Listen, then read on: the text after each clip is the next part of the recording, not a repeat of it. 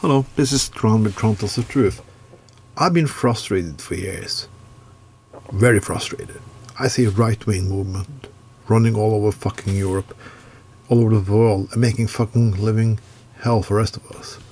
But sometimes I've been also been frustrated over the people who should be my own liberals, socialists, social democrats, anarchists, and people who don't want rich corporations to take over the world, who don't want right wing extremists to run the world, or churches to make fucking hell for the rest of us.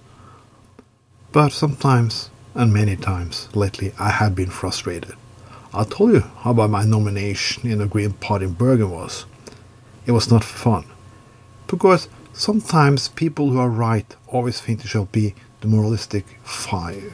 Fire. I don't fucking know the word.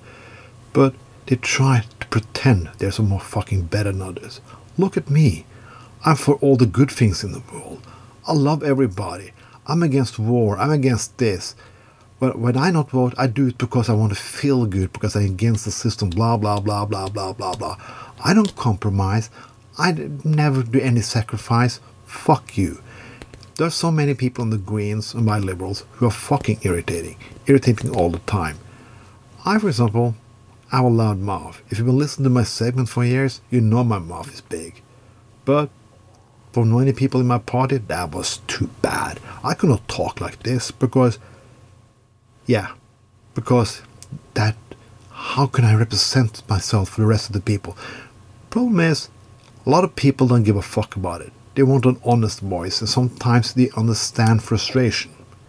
Many years ago, I saw a culture minister in Denmark. He was a dry person. He was like quiet, and he did, but he did a good job.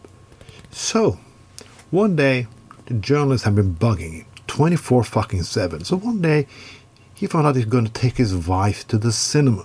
Yeah, just leaving those two away from the journalist. And on his way out the cinema, journalists come up to him with a camera and start asking questions again and told him to go fuck himself. He had a, he want to have a nice time with his wife. The media was like, "Ooh, you couldn't do that," but most people said, "Yeah, yes, he could." Yeah, is allowed to think about people sometimes that they can be frustrated and angry. But leftists today, no. We shall keep calm. We shall do actions. Sometimes you shall not vote because the candidate is not pure enough. Purity, moral, fucking bullshit. That's the fucking shit I hate by the right. Now is living on the fucking left. I don't even want to mention the Green Party United States, which I think is a big fucking joke. Yeah, Green Parties in the United States, you are a fucking joke. But they can be frustrating here in Norway too.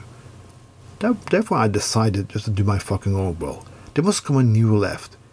The left should not be the party of moralistic bullshit. It should be the parties of fun, jokes, loosen up a little. Accept that not everybody in the world are as perfect as fucking you.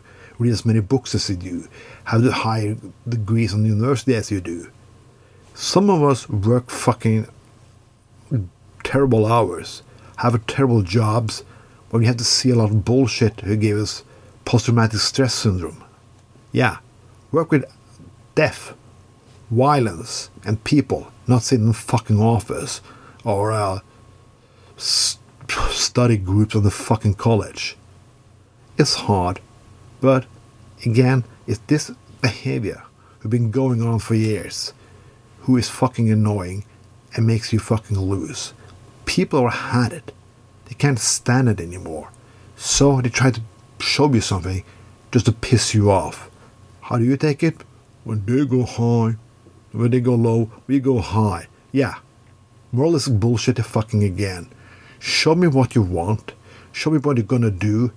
Be fucking honest. And loosen up a little. That was Tron with Tron Tells the Truth. Have a fucking nice evening.